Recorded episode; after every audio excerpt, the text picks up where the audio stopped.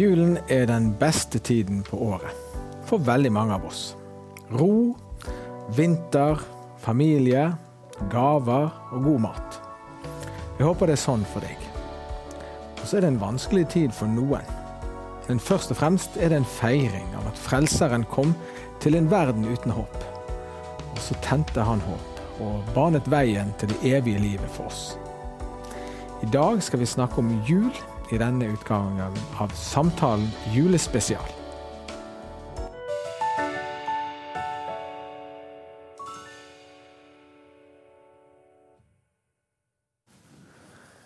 Jeg har fått besøk av Jon Hardang, eh, leder og redaktør for Bedehuskanalen. Velkommen, Jon. Tusen takk. Stas å få være her. Ja, eh, vi kom til julestemning. Ja, det er jeg egentlig. Vi har i Bedehuskanalen lagd en stor juleproduksjon dette året som vi kaller Reisen til Betlehem. Så jeg har vært på vei til Betlehem i to måneder allerede. Ja, så fint. Du, vi skal snakke om jul og alt det som hører med. Men eh, når jeg har deg her, så vil jeg gjerne snakke litt med deg om det året som har gått. Eh, vi begynner med eh, Bedehuskanalen. Det første fulle driftsåret med TV-sendinger. Hvordan har det vært? Det har vært en reise som eh, jeg tror har gått i riktig retning. Og har tatt oss med til et punkt der vi er ganske godt fornøyde med der vi er nå. Det betyr ikke at ikke vi ikke har ting som vi skal jobbe videre med, men året har vært bra. Det viktigste, Bjarte, det er at vi har registrert mennesker som har fått forandret livet sitt. Noen har kommet inn i et personlig forhold til Gud gjennom tro på Jesus. Og det er det vi får signaler om fra noen, og kanskje er det enda flere. Så møter vi mennesker som, som kan ha fått tilført ting i livet som har gjort at eh, litt mindre mørke, litt mer lys, litt mer tydelighet i hvor de skal henne. Vår kanal den er en kanal hvor vi ikke har et ønske om å være artister på en scene og ha publikum i en sal. Vi vil gjerne bygge fellesskap eh, i TV-skjermen. Og det har vi prøvd å gjøre, og jeg tror vi er et stykke vei eh, i den retningen. Eh, jeg har gjort med den erfaring at TV er et veldig sterkt medium. Eh, treffer folk eh, på hjemmebane på en måte som man ikke kan på andre måter. Hva er din erfaring etter å ha vært i denne bransjen i et par år? Jo, det tror jeg, jeg deler helt den opplevelsen. Og, og, hvis det er riktig det vi sier nå, så skal vi ha en tanke til i hodet. Vi inviteres inn i stuene til folk. Inn i deres private atmosfære. Mange sitter helt aleine, og vi får komme helt inn som gjester. Det må du være bevisst på. Og når du er gjest et sted, så oppfører du deg deretter. Og selv om vi ikke ser de vi er gjester hos, så skal vi likevel være bevisste på at eh, nå er det akkurat det du er. Og jeg tror det er nøkkelen til å få opp en, en god relasjon. Men som du sier, film, video, TV, det er veldig sterke virkemidler. På godt og vondt. Det er faktisk noen år siden jeg hørte første gang at Jon Hardang pønsket på noe eh, i TV eller en ny plattform. Eh, du har jo ikke så mye bakgrunn fra TV, egentlig mest radio og forkynnertjeneste.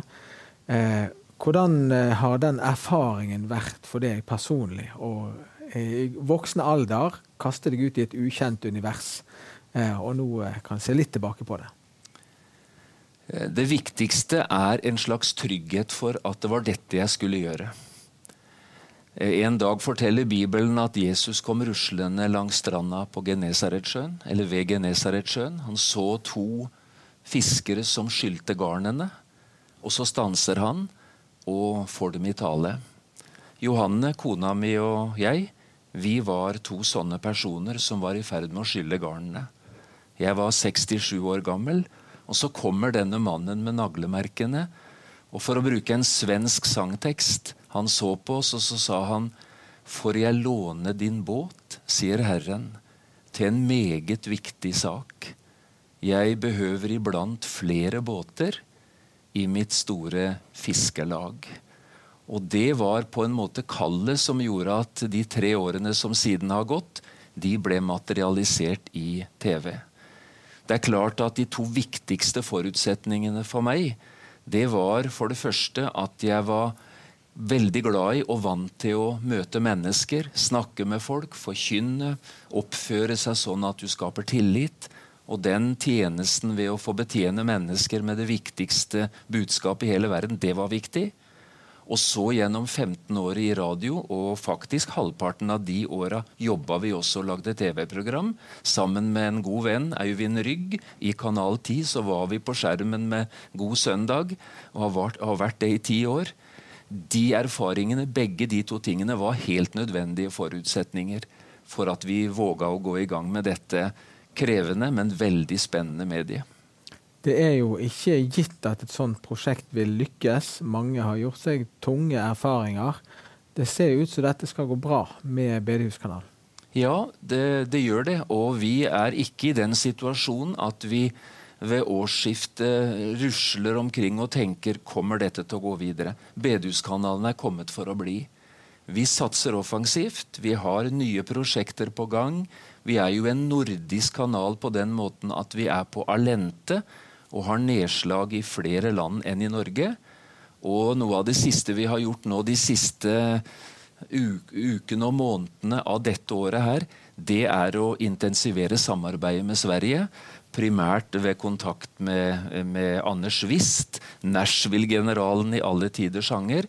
Vi har produsert adventsmorgen nå gjennom hele desember, og vi skal i gang med en ny serie neste år. Så vi tenker offensivt. Økonomisk kommer vi ut dette året her i balanse. Og vi har jo ikke drevet på lufta mer enn i godt halvannet år. Så jeg tenker at det å være i nærheten av balanse Vi er ikke helt på 100% men det er så mye om å gjøre. Eh, det syns jeg egentlig er eh, betryggende. Eh, det fins nok en del eksempler på virksomheter som trenger lengre tid enn halvannet år for å få opp en drift i balanse. Så vi er bare så takknemlige. Og midt oppi alt dette så eh, er du på eh, besøk hos legen eh, og får beskjed om at ikke alt er som det skal. Og du skal inn og ha en stor hjerteoperasjon. Fortell om det. Ja, Det begynte faktisk med noe helt annet enn lege for hjertet. Det begynte med en nyrestein, et nyresteinsanfall. Og det plaga meg hel helg og var krevende på en måte. Jeg har hatt nyrestein før, så jeg vet jo litt om hvor vondt det er. Og det var under behandling av det på legevakten at eh, en klok lege eh, hørte på meg, og så så på meg, og så sa hun du har en tydelig bilyd på hjertet ditt. Er det noen som har eh, fortalt deg det? Og jeg måtte svare nei, det har jeg ikke hørt.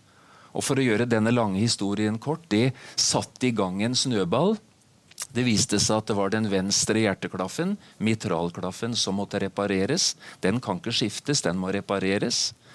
Og så oppdagte de at også en av de tre hovedårene som tilfører blod til hjertet, den begynte å bli for trang. Og Dermed så, så anbefalte de du må gjennom en åpen operasjon. Eh, og vi må gjøre disse to tingene samtidig. Det passer jo fryktelig dårlig i en oppbyggingsfase av en TV-kanal og en må jo være ærlig og si at det er noen ansikter som på en måte er viktige eh, for at denne kanalen skal lykkes. Og jeg vet jo at eh, min rolle i kanalen er ganske sentral.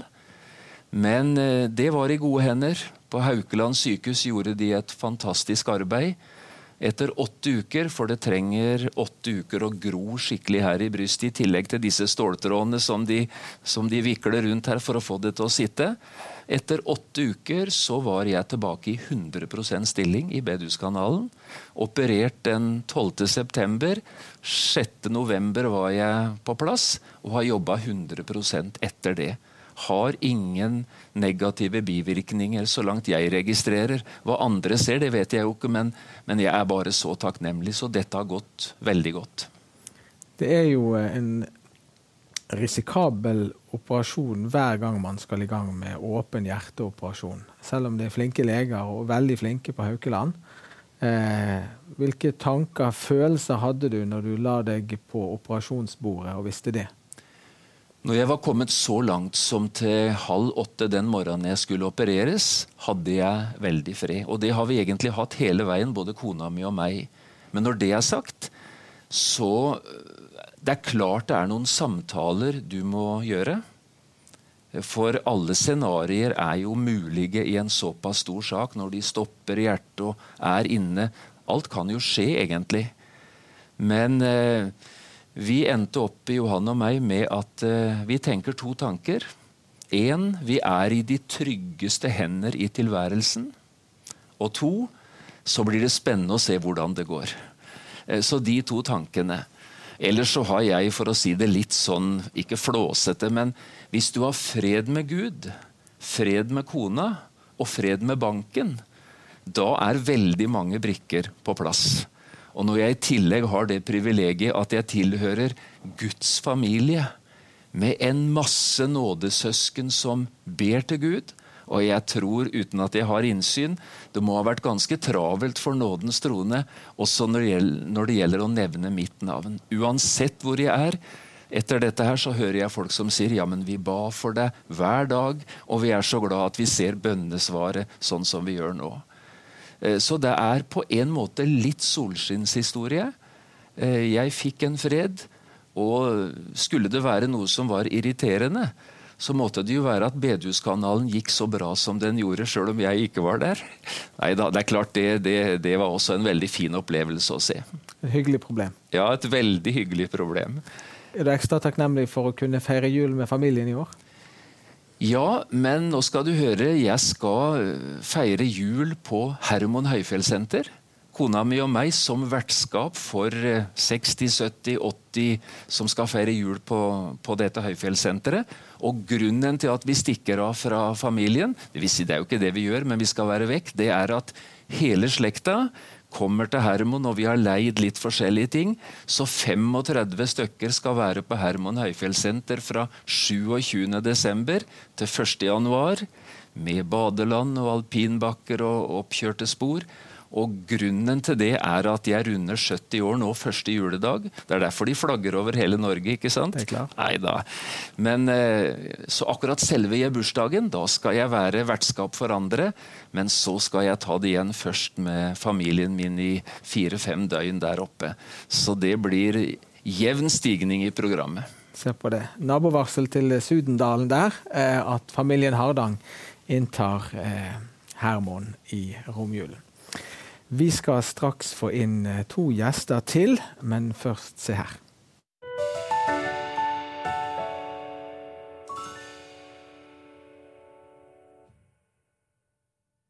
Hver uke gir vi gratis nyhetsbrev fra Kristenmedia Norge, så du kan få tilsendt på din e-postadresse. Der kan du få lese ukens kommentar, du kan få se hva som skal være tema i samtalen, og du får vite hvem som er gjest i Live med venner før alle andre.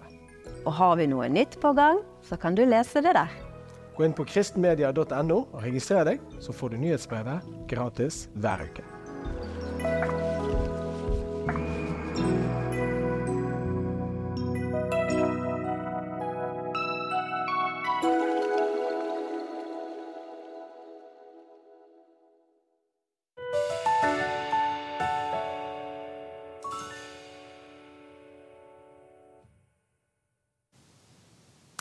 To nye gjester er på plass i julesamtalen spesial. Velkommen til dere, Hilde Brevik Rutten og Maria Tveten. Tusen takk. Takk skal du ha. Hilde, du er frelsessoldat. Jobber i eh, Frelsesarmeen her i Bergen. Maria, du har vært her før. Du ja. er prest i Follnes kirke. Det stemmer. Jeg begynner med deg. Hvordan er denne tiden for deg? Altså Fra første søndag i advent så er det taktskifte. Eh, der alt får en litt sånn annen valør. Alt blir litt sterkere. Eh, men sånn jobbmessig så er jo det ting som eh, stort sett gir energi òg. masse, masse menneskemøter. og så innimellom så blir det litt baking og sånn hjemme. Prøver liksom å få de tingene som jeg ikke liker, men som mannen min setter pris på. At de får bakt litt og sånn. Men i, i kirken så er det likevel sånn at selv om det er en sånn eh, sitrende forventning sant, gjennom hele adventstiden. Så er det òg eh, begravelser som skal skje innimellom der. Og de òg blir ekstra spesielle når det er advent. Det er det, Mange har sagt det er et forstørrelsesglass, og det erfarer vi. Det er sant. Mm. Er det sånn at når eh, juletid nærmer seg, så Gruer du deg til alt arbeidet, eller gleder du deg til Å nei, det, jeg gleder meg. Absolutt. Jeg syns det er en veldig, veldig fin tid å være prest. Helt klart. Frelsesarmeen, Hilde, de treffer vi på handlesentrene rundt omkring. eh, Rundt juletider og på Torgallmenningen i Bergen Mm. osv. Hvordan er denne perioden for deg? Eh, advent er jo en eh, veldig travel, veldig utadvendt tid. Både for Frelsesarmeen eh, generelt, men òg for oss som er enkeltpersoner som både jobber, og, både jobber der og er frivillige. Så jeg var, jeg var senest grytevakt i går. Eh, og jeg kjenner meg veldig igjen i dette her med menneskemøtene. Som jeg syns er kanskje det aller sterkeste å få lov å være med om, da. Under advent. Eh, samtaler med mennesker som, eh, som kommer og kanskje gir de en slant i gryta, eller kanskje har de bare behov for å snakke, og de ser at vi er der. Vi gjør oss tilgjengelige med å vise hvem vi er. Eh, gjennom alt som vi holder på med hele året, selvfølgelig, men kanskje på en spesiell måte i, opp mot jul, hvor, hvor Frelsesarmeen er så eh, åpent til stede i så mange deler av samfunnet. Ja. Ja, for hvordan er, hvordan er det å være i Frelsesarmeen i julen? Opplever dere at dere eh, har en helt annen nærhet til befolkningen? Eh, For, for veldig mange av oss forbinder jo den tiden med den uniformen. Ja, det, det tror jeg jeg kan eh, si egentlig et ubetinga ja til. Eh, og så er det eh, Det å få lov å ha fått en sånn posisjon gir jo et ansvar å forvalte. sant? At man eh, vi, blir, vi får mye tiltro, vi får mye tillit. Eh, og jeg syns det der å, å, å få komme nærmere inn på folk Eh, sånn som du snakker om eh, i TV-sammenheng, at vi òg på en måte får komme nært inn på folk sine liv på en, eh, på en veldig spesiell måte. Eh, og så er det opp til oss at vi må gjøre det på en skikkelig måte som er Gud verdig, hvis jeg kan si det sånn. For meg så er jo eh, Frelsesarmeen er jo eh, en god arena for meg å få ha troen i praksis. Troen er veldig praktisk. Eh, Eh, og det ser vi kanskje spesielt når vi er så synlige før jul. Da. Jon, du er jo eh, kristenleder, hvis jeg kan bruke et sånt slitt uttrykk. Hva betyr Frelsesarmeen for på en måte kristenfolket i Norge og vårt omdømme? Og, og liksom, hvordan ser du på det fra ditt ståsted? Jeg tror Frelsesarmeen, og kanskje ikke bare dem, men de organisasjonene som har dette sterke sosiale, nær mennesker, syn for de som gruer seg til jul, dette som er vanskelig for noen, det er, det er et varemerke på kristen virksomhet generelt som vi nyter godt av alle sammen. Og jeg tenker jeg heier på Frelsesarmeen. Vi, vi, er veldig glad for å ha tett samarbeid i Bedehuskanalen med kanskje det korpset i Norge som er best på media, og som har vært mest fokusert på det. Og jeg må jo bare innrømme at i styret vårt og i staben vår er vi både stolt av og glad for at vi får ha disse strålende uniformene og ikke minst disse menneskene inni uniformene som smiler og som gjør det som Jesus har bedt oss alle å gjøre. De er fantastiske representanter for Kristen-Norge generelt. Det betyr veldig mye. Maria, hvordan eh, kommer dere i kontakt med folk på en annen måte eh, i desember eller rundt jul enn resten av året? Det er jo eh, rett og slett sånn at noen flere inviterer eh, presten rundt omkring. Da Da er det sånn firmaer som skal ha, en, ha besøk av presten på julelunsjen, eller eh, eh, en sånn avslutning. Juleevangeliet skal leses, og da foretrekker de at det er presten som leser noen ganger. Så jeg, jeg får være med på ganske mange sånne julemiddager rundt omkring, og nyter jo veldig godt av det. Vi hadde en sånn en, en desember en gang der jeg tror det var barna våre som fikk eh, Grandiosa sånn tre dager på rad. Jeg var veldig fornøyd med det, altså, men det var jo fordi at mannen min han er også prest og hadde litt det samme programmet. Eh, så litt sånn hadde vært litt stusslig for oss, men vi koste oss jo, vi voksne. Og de var fornøyde med Grandiosa, og ungene våre i desember. Men ja, vi får rett og slett Vi blir invitert. Eh, og det er et privilegium. Og det, det er jo noe med den tilliten som du snakker om. altså det at noen fremdeles eh, tenker at eh, i vårt samfunn mm. så vil vi ha presten inn. Mm. Eh, det, det, er veldig symboltungt å ha med seg en som har en snipp når vi leser juleevangeliet. Eh, og det, det, tar vi ikke, ikke lett på i det hele tatt. Vi syns det er en stor ære.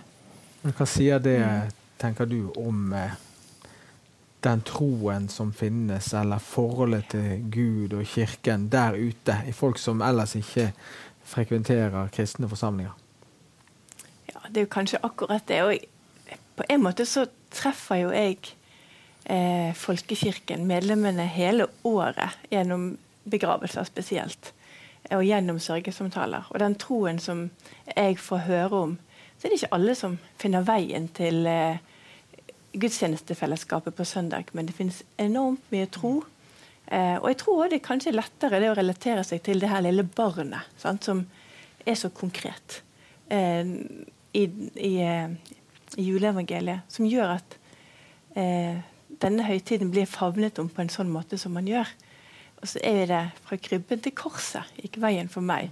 Og advent er en, en, en, utrolig mulighet. Og jeg tror egentlig at det finnes en åndelig lengsel i samfunnet vårt der advent er det som kan fylle det. For det, vi trenger denne opptrappingen mot det store som skjer. At Gud blir menneske og kommer oss helt, helt nær. Eh, advent det, er en, det, det har stort potensial i seg. Og Jeg tror at veldig mange mennesker trenger det, og jeg hører at mange søker det. Er det sånn eh, Det er jo kanskje noen som tenker at julegudstjeneste det er en plikt. Men kan det være at for noen er det en unnskyldning til å endelig gå i kirken? og julekonsertene, ikke minst. Ja, jeg, Senest i går så var jeg på butikken, eh, og det var åpenbart at eh, ekspeditrisen ikke visste hvem jeg var. For hun sa ja, og så er det mye julekonserter i kirkene, vet du. Det går an å gå i kirken uten å være kristen. Det er grådig fint. Det er grådig fint. Og I det så var det mer en sånn unnskyldning til meg, en invitasjon. At du òg kan gå i kirken, selv om du kanskje ikke er kristen. Eh, så jeg, jeg, tror ikke jeg mente det som at eh, eh at ikke hun var kristen. Men det var mer den invitasjonen inn. Og det var litt sånn Jeg sa ikke at jeg var prest da. Men, eh, du hadde ikke snippen på? Jeg hadde ikke snippen på, nei. da hadde jeg ikke det. Men jeg tror at det, det rommet er jo ikke nøytralt på noen måte. Eh, det er til Guds ære. Og det å få komme i kirken, eh, det gjør noe med folk. Og det merker vi òg. Alle barna som kommer, alle barnehagene, skole Det skjer noe med elevene. 350 elever hadde vi på den første gudstjenesten som jeg hadde tidligere i dag. Eh, og det er godt gjort altså, når de klarer å sitte sammen og delta i det fellesskapet i det rommet. Uten at dette er noe ja, Jeg syns ikke, ikke, det ble noe vanskelig. Det kan hende, kan hende at lærerne satt litt sånn på nåler. Det kan godt være. Men det var en utrolig, utrolig fin sånn fellesskap. Og jeg tror at rommet gjør noe med den settingen òg. Julestemning det er jo et uttrykk som vi hører hele tiden. Eh, Jon, jeg spør deg. Eh, hva tenker du når, når man bruker det uttrykket, å komme i julestemning? Eh, jeg tenker at eh, jeg tror mange lengter etter en, en, en, opplevelse av noe som er annerledes. Jeg tror det er et uttrykk for, for noe folk lengter etter. Og så tror jeg eh, også det er uttrykk for noe som mange lengter etter uten helt å få tak i det. Så Sånn som Maria sier nå. Jeg satt i kommunestyret i, i Fjell, i, heter Fjell kommune da, i fire år, fra 2011 til 2015. Og da skjedde jo akkurat det som Maria her sier. Da var jo sognepresten i Fjell der eh, før jul. Eh, med tilstedeværelse og med det som en prest skal bidra med. Og, og det skapte julestemning i kommunestyret. Eh, men eh, julestemning er verdifullt. Men det er ikke selvsagt at det kommer etter kalenderen. Det må skapes.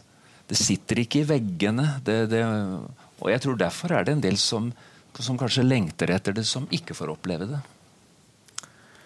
Hilde, nå har jeg hørt noen som har sagt at de har det godt mellom jul og nyttår. Men det er mellom nyttår og jul det er vanskelig.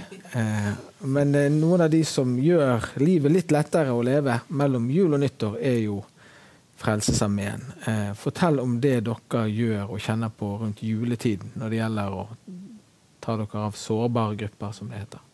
Um, vi har jo mange som kommer til oss både for å få Eh, hjelp til eh, Kanskje spesielt før jul. Eh, til å sette julemat på bordet. Til å kunne gi gaver til barna sine. Til å få ting til å gå rundt. Og det, det som kanskje er litt spesielt nå, er at det har vært vanskelig for mange, men, men, nå det siste året så har det blitt vanskelig for veldig mange flere. Så, så de som før klarte seg med to lønninger, så vidt, nå går ikke det lenger. Jeg ser en helt ny eh, eh, forskningsrapport som er gitt ut nå, som, som viser at eh, folk dropper å invitere julebesøk. Folk reiser ikke lenger på besøk til familie, de har ikke gaver å gi. De har ikke råd til å komme seg dit. Um, og det er jo på toppen av alle grupper som vi har sett for oss lenge er sårbare, eller som vi vet er sårbare fra før. da. Mennesker som eh, kanskje har havnet i rus, eller som strever med psykiske utfordringer, som ikke har arbeid, som, som lever på trygd. Eh, så jeg tror det er ekstra vanskelig for ekstra mange i år.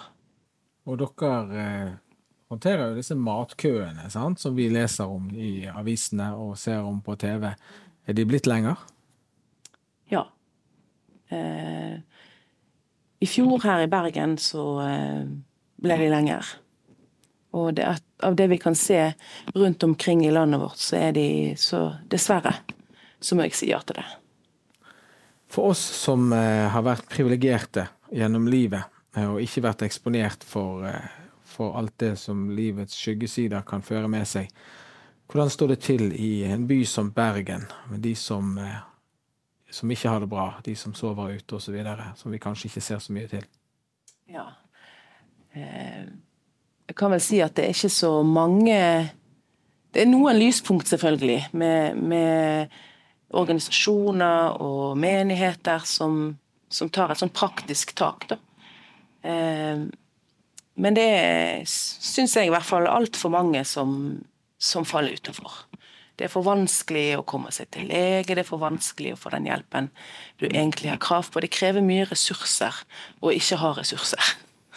Så det er vanskelig å få den hjelpen du egentlig trenger. Og, og, jeg tenker at Det vi kan bidra med, da, om det ikke løser alle problemer, så, så, så kan vi bidra med mat. Vi kan eh, bidra med gaver. Vi kan òg eh, bidra med at mennesker får hjelp til å komme seg i jobb. Eh, og jeg tenker at eh, Samla i Bergen så er det ganske mange organisasjoner som, som jobber sammen om dette her. Eh, og det er vi veldig glad for å være en viktig del av.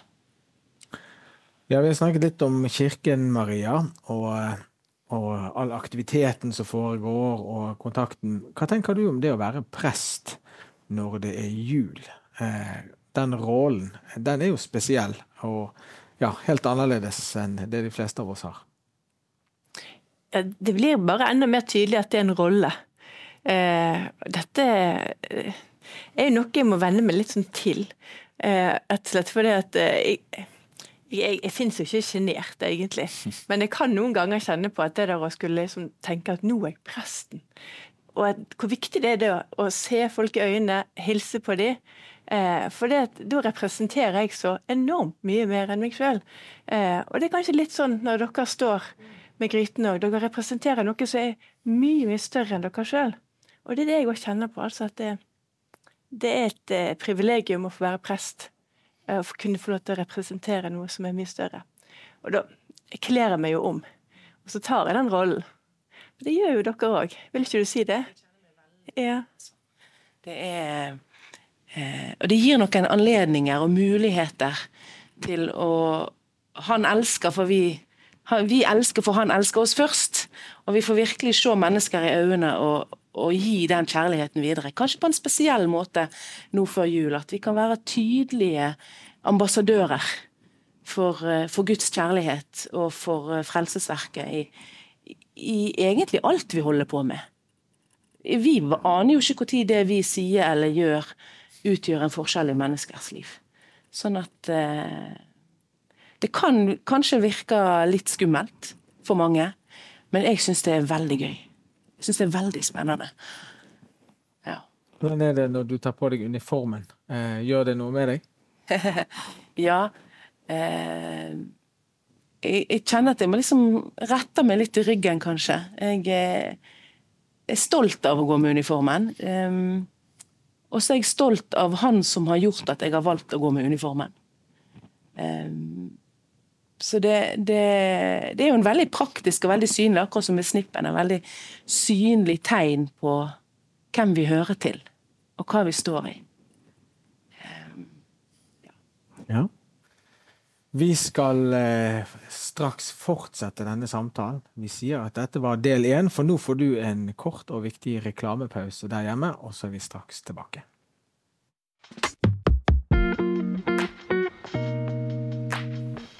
Takk for at du ser på programmet vårt.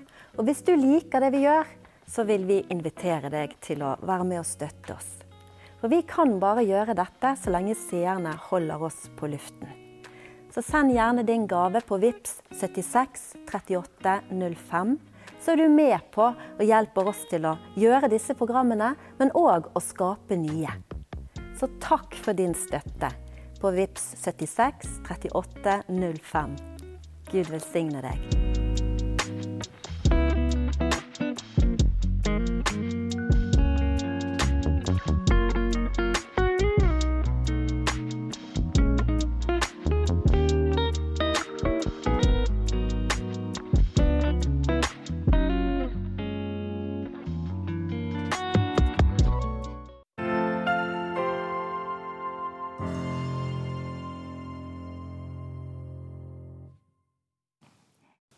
Ja, Da er vi tilbake. Del to av eh, programmet vårt. Vi snakker om jul. Og eh, Jon, julens budskap er jo fortsatt det sentrale i julen. Har vi snakket om juletradisjoner og all aktiviteten som vi gjør, og fokus på sårbare grupper. Men julen handler jo om eh, evangeliet og om Jesus. Hva tenker du om det oppi alt dette andre?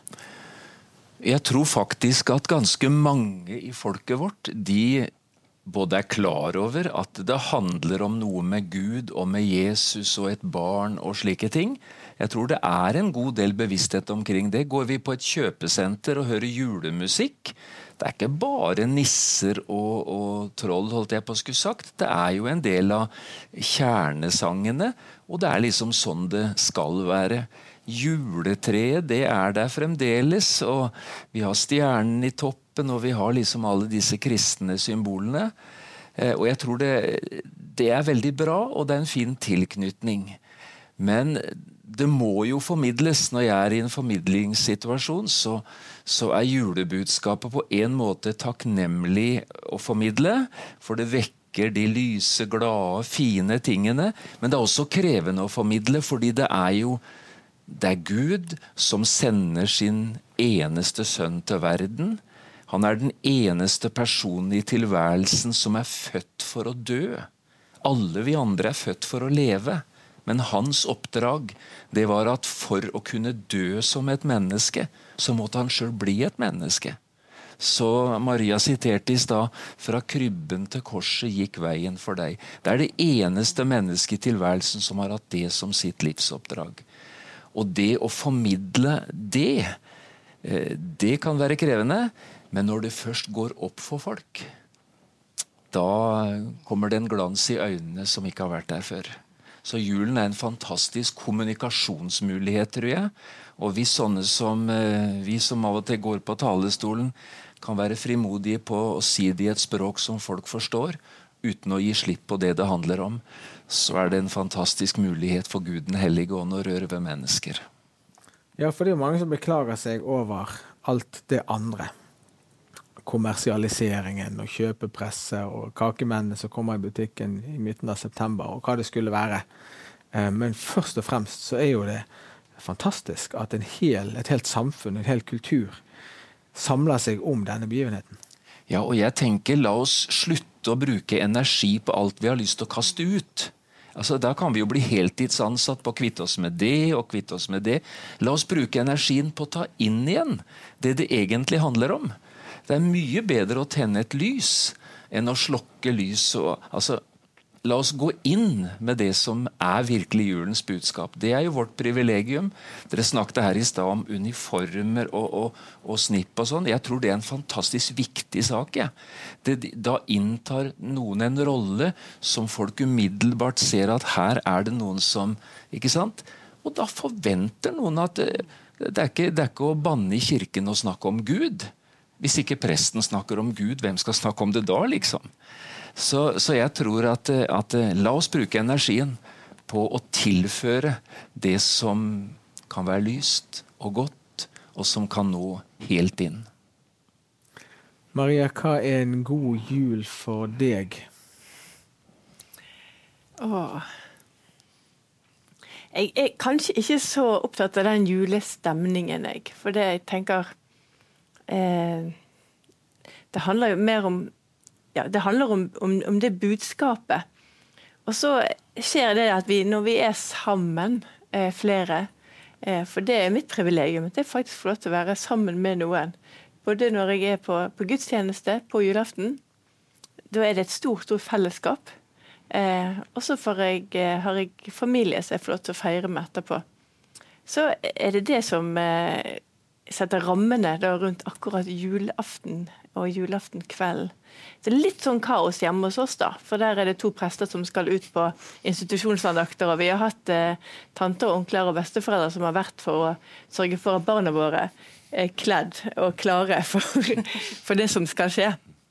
Eh, men det, og da, er det på en måte om ikke alt er klart. Om ikke, om ikke Jeg har ofte litt sånn litt skuffet over meg sjøl, kanskje. For at ikke jeg har gått nok dypt nok inn i, i, materien som advent på en måte er. Denne fine tiden med det utrolige budskapet.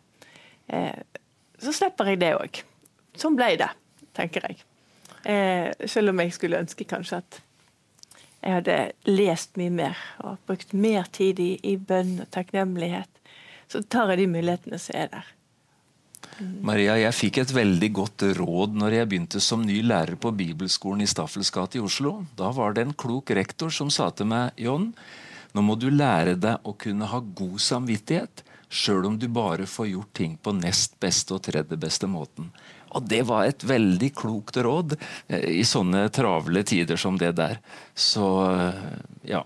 Det var, det, det, det var, det var iallfall et godt råd for meg. Ja. Takk. Sikkert et godt råd eh, til oss alle eh, eh, i denne tiden. Det er veldig mye som krever oss eh, som i den tiden. Hilde, hva er en god jul for deg? Da eh, en grytevakt, minst. Og så syns jeg det er, det er noe med Kanskje fordi jeg er musiker, da, så er det noe spesielt med å få lov å spille og synge ut julens budskap eh, med enormt stor frimodighet. Um, og så kjenner jeg òg veldig mye på det som du sier med å, å, slippe litt tak i at det ble ikke helt sånn som jeg hadde tenkt. Uh, men jul blir det. Og, og det å, å, være trygg og sikker på at uh, Gud kom, og Gud er fortsatt her. Og det er grunnen til at vi kan feire jul. Det, er, det tror jeg må være det aller viktigste for, for min jul. Og så er det jo jul med familie. og Ett år er, det, er vi 20 rundt bordet, ett år er vi seks stykker. Ett år er vi kanskje bare fire. Men, men vi har hverandre, og vi har, eh, vi har Gud med oss. Eh, og det tenker, for meg er det det aller viktigste, tror jeg. Jeg stiller det spørsmålet til deg òg, Jon. Hva er en god jul for deg? Ja, for meg som har levd så utrolig mye intenst med formidling Det er jo flere her som har det. Men for meg så, så har Da Johan og jeg gifta oss i 1979, så gjorde vi en beslutning. Vi vil lage vår egen tradisjon. Vi vil være hjemme i jula. La barna våre ettersom de kommer, få oppleve at jul, det er å være hjemme. Så for meg så har en god jul vært de tradisjonene som vi bygger i vårt eget hjem. Og det er veldig hyggelig når noen kommer på besøk, men for meg er det kvalitet å få være sammen med barna mine, kona mi, eh, dele de tingene der. Ikke istedenfor julens innhold, men det er liksom, det er liksom innholdet rent sånn personlig. Og nå er jeg jo i den privilegerte situasjonen at jeg er bestefar til 22 barnebarn. Jeg håper ikke du besvimer. 19 biologiske og 3 på fosternivå. Og alle sier jo bestemor og bestefar til oss. Og fordi vi er hjemme hver jul, enten de da bor på Flekkerøy eller på, i Oslo eller i Sandefjord, så er det alltid noen som kommer hjem. Og jeg har alltid i mitt snart 70 år lange liv elska å være sammen med barn. Og det å få en sånn haug med barnebarn hjem og på fanget, det er jo god jul. Og hvis det i tillegg da lukter svineribbe og knaser i sprø svor, eh, da, da, er vi i nærheten av noe. Men da må jeg få spørre deg litt personlig, Jon. fordi at jeg er jo nå der at vi for første gang har så store barn at de har giftet seg og skal feire med den andre familien. Hvordan var det når det skjedde for deg første gang? Å se at liksom kjernefamilien eh, Han ble jo ikke oppløst, men han ble spredt på et vis. Jeg syns ikke det var så problematisk jeg, når du har fem barn som bor på fire forskjellige lokasjoner rundt i Norge, så er jo ikke alle hjemme samme jula uansett.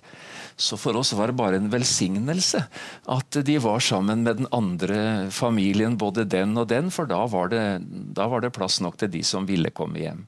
Så, så, for meg var dette ikke veldig krevende. Men det er klart det var jo viktig å ha en telefonsamtale på julekvelden og sjekke at dattera har det bra, og at sønnen har det fint og sånn. Men det er jo noe naturlig.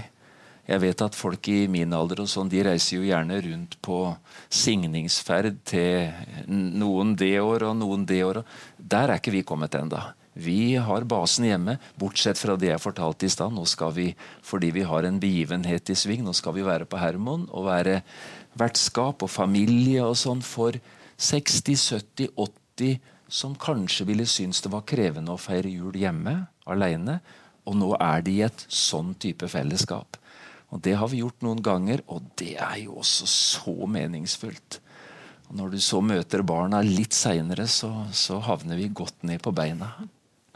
Hvordan er, hvordan er, følelsen? Blir julen bedre og bedre med årene, eller eh, er det motsatt? Eh, jeg syns jula alltid har vært en veldig kjekk og god høytid. Jeg har stort sett bare gode minner om jula. Jeg husker hvor tøft det var da jeg som 15-åring skulle feire jul første gang uten pappa. Han døde før jeg ble 16 år, i november måned. Og det var, det var, fire uker før jul. Og jeg husker godt den jula da vi for første gang dro hjemmefra på julekvelden opp til noen veldig gode venner som var på en måte De var ikke familie, men de var nesten den nærmeste familien likevel. Og at vi, at vi feira jul for første gang i andre omgivelser. Jeg husker veldig godt litt spesielle følelser, men det var ei god jul. Så jeg har hatt en, en opplevelse av at julen forandrer seg veldig ettersom fasene i livet er der, uten å si at det ene er bedre enn det andre. Eh, noen som blir så gamle som meg, de skulle ønske de var 17 år igjen. Jeg er så takknemlig at jeg skal slippe å være 17 år. Nå er jeg 69, eh, litt til, og syns det er helt strålende. Så nå går vi inn i jula, eh, ikke for å feire den bedre eller mindre Altså, jula for meg er uansett veldig god. Det er verken bedre eller verre. Maria, eh, hjemme hos dere, eh, det er jobb hver jul, er det så? Aldri fri for eh, prestene? Nei, altså vi har ikke opplevd det iallfall. Men det, det lever vi veldig godt med. Det er jo helt nydelig å være på jobb på julaften, rett og slett. Og da treffe igjen sant? alle folkene som vi etter hvert nå sant, har kjent lenge. For Nå har jeg vært prest i Follnes kirke fast siden 2018. Og Da har du møtt noen gjennom eh, tidene. og Det syns jeg er helt nydelig. Eh, og så er jeg heldig òg at eh, barna de kommer til eh, gudstjeneste da, i Follnes kirke, så jeg får være i lag med de. Og akkurat å feire gudstjeneste i lag. Ja, Jon skal feire jul på Hermon. Eh, hvordan skal dere feire jul når gudstjenesten er ferdig? Da reiser vi til mine foreldre på Askøy. Da har de laget klart. Eh, så da får vi komme litt seint. Da hører vi på klokkene på radioen, eh, og så lander vi på Askøy. Sover der, reiser på jobb igjen første dag. Vel fortjent å komme til duk og dekket bord da, etter eh, julaften. Det er i hvert fall veldig deilig. Hva er matfavorittene på julaften? Åh, det er jo pinnekjøtt. altså. Jeg kjenner det at og svinekjøtt Nei, svinekjøtt, ja. Svineribbe, Svineribbe, ja. det er nydelig godt, ja. Men lukten av pinnekjøtt, det er helt vidunderlig. Ja, er du enig, Hilde? Mm, Da kan jeg si at første året jeg feirer jul med min mann, så var vi hos han i Ålesund. Og der var det både pinnekjøtt og svineribbe. Men hjemme hos, jeg er vokst opp med svineribbe. Og jeg gråt. Det, var, det er nesten fælt å si. For jeg elsker jo pinnekjøtt. Men vi kjører begge deler, altså. Vi har, eh, vi har ikke klart å lande. Eh, Men det er helt OK. Ja, det må være greit. Du da, Bjarte?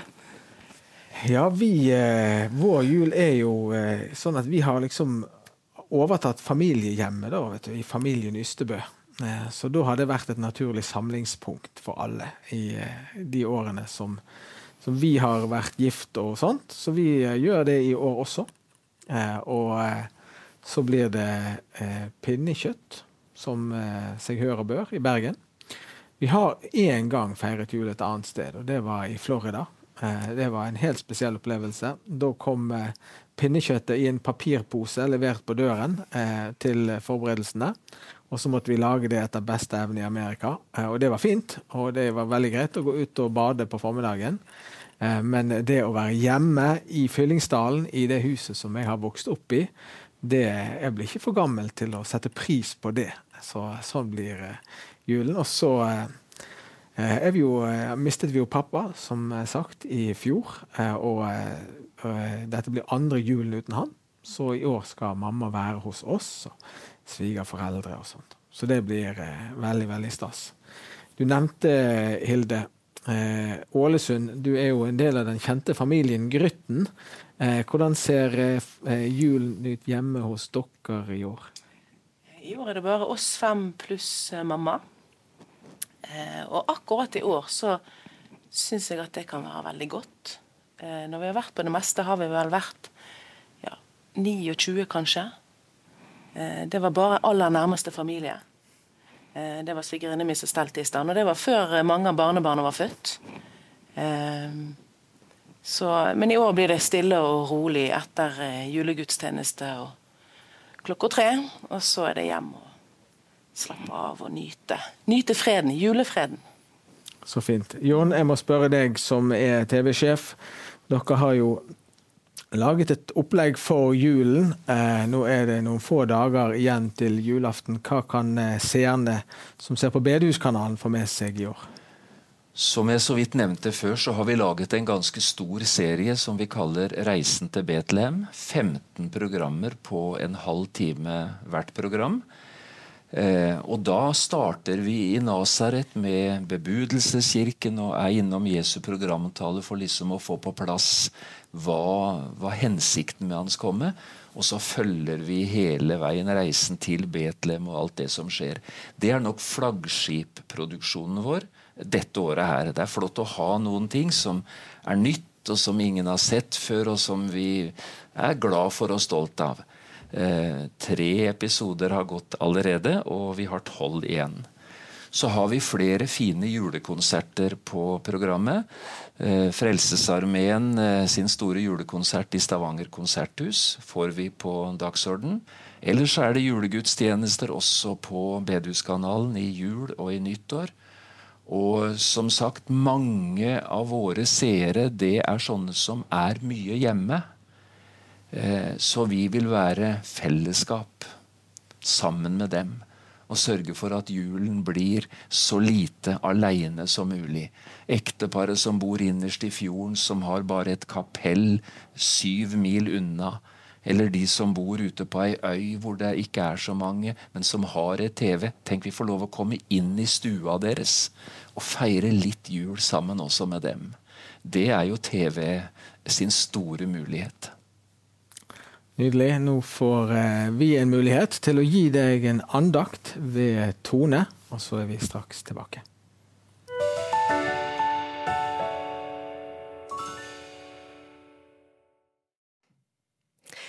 Gjennom adventstiden undrer jeg meg igjen på hvordan Gud lot sin sønn komme til oss. Den største begivenheten etter skapelsen. Kongenes konge som forlot sin himmelske herlighet for å reparere relasjonsskaden mellom Gud og mennesker. Hvorfor ble det ikke alle de med store plattformer og påvirkning over store folkemengder som fikk budskapet om at Guds sønn skulle komme? Hvorfor ble ikke konger og prester og maktpersoner gitt den viktige beskjeden, men istedenfor fikk noen skitne, slitne gjetere på marken, langt borte fra palasser og talestoler, den fantastiske nyheten fra en engel med en himmelsk hærskare i ryggen? Hvorfor ble ikke Messias frelseren født på det beste stedet dåtiden kunne tilby, med rent sengetøy og dyktige jordmødre og kyndige pleiere? Verdens frelser, som ni måneder tidligere hadde en himmelsk herlighet rundt seg, trakk sine første jordiske åndedrag med lukten av sau, ku og fjøs. Gud kunne gjort det på så mange andre måter da han introduserte sin sønn til jorden. Og teologer og arkeologer har mange meninger om dette, om det faktisk var sånn at Jesus virkelig ble født i en stall, lagt i en krybbe, eller om han kom i et husrom. Uansett ankomst, så kom Guds sønn. Født inn i menneskelige kår på menneskelig måte og ble kjent med alle de menneskelige begrensninger og utfordringer. Men Jesus var likevel født av Gud gjennom en villig jente som sa det skjer meg etter ditt ord. En som trodde på engelens budskap og var villig til å oppgi sine drømmer for en mye større hensikt. For alt det som er født av Gud, seirer over verden. Dette beviste Jesus da han etter fullført oppdrag ropte ut Det er fullbrakt. Seieren over de menneskelige utfordringer, begrensninger, makter og myndigheters forsøk på å ødelegge Guds kronjuvel og hjerte. Jesus seiret, reparerte skadene synden og opprøret mot Guds innretninger hadde forårsaket.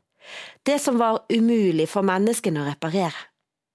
Jesus, verdens frelser, som englene ga budskap om til gjeteren og Maria før noe hadde skjedd det som de tok vare på og ga videre.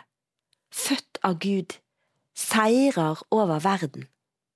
I første Johannes 5,1 står det at hver den som tror at Jesus er Kristus, er født av Gud. Hva har du tatt vare på av det Gud har gitt deg? Hvordan passer du på det som er født av Gud i deg? Maria ventet i mange år før hun fikk se at hennes lydighet mot Herren ble åpenbart. Det lille barnet, tolvåringen i tempelet, mannen med disiplet som helbredet og utfridde, sønnen som hang forslått, foraktet og forlatt på korset, men som døden ikke kunne holde på, som sto opp igjen etter tre dager, sånn som han hadde sagt, som lever og har gått i forveien til himmelen for å gjøre i stand bryllupsfest. Maria måtte gjennom mange harde kneiker i sin ventetid, men hun holdt fast på det som var gitt henne. Hold ut, du, hold fast på det som er gitt deg av Gud. Hold fast på Hans ord og Hans ånd. Vent på Herren. Se, Herrens øye ser til den som frykter ham, som venter på hans miskunnhet, står det i Salme 33, 18. Det er ikke bare adventstiden som er ventetid. Vi er hele tiden på vent på at vår brudgom skal hente oss hjem. Venter vi med lyset på? Er vi rede til at Jesus kommer tilbake i sin mektige majestet? Denne julen er én jul nærmere himmelgaven vi skal forenes med og sammen med englene skal få lovsynge og tilbe. Så la oss øve oss denne julen på å hylle Han som forlot alt for å finne oss velsignet julehøytid med forventning om Herrens komme.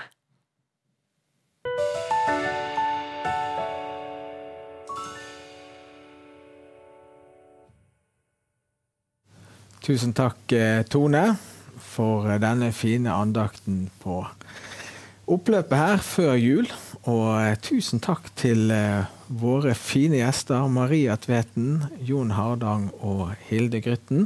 Takk for at dere kom her og delte både litt om eh, jobb og tjeneste, og også familieliv og privat. Det er alltid kjekt når det er jul å få et lite innblikk i hvordan folk har det. Så tusen takk til dere. Så til deg der hjemme så håper jeg at du har en kjempefin jul. Vi er jo tilbake i romjulen med litt repriser og sånt, men først og fremst direkte med Live med venner 9.1, og så fortsetter sesongen utover. Gleder oss til det som ligger foran, og håper du vil være sammen med oss både tirsdagene og torsdagene i året som kommer. Og så må du ikke glemme at julen den handler om Jesus. Den handler om eh, den gaven som er den største av alle.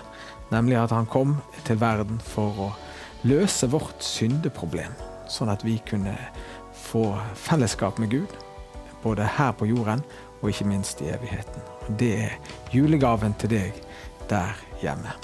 God jul.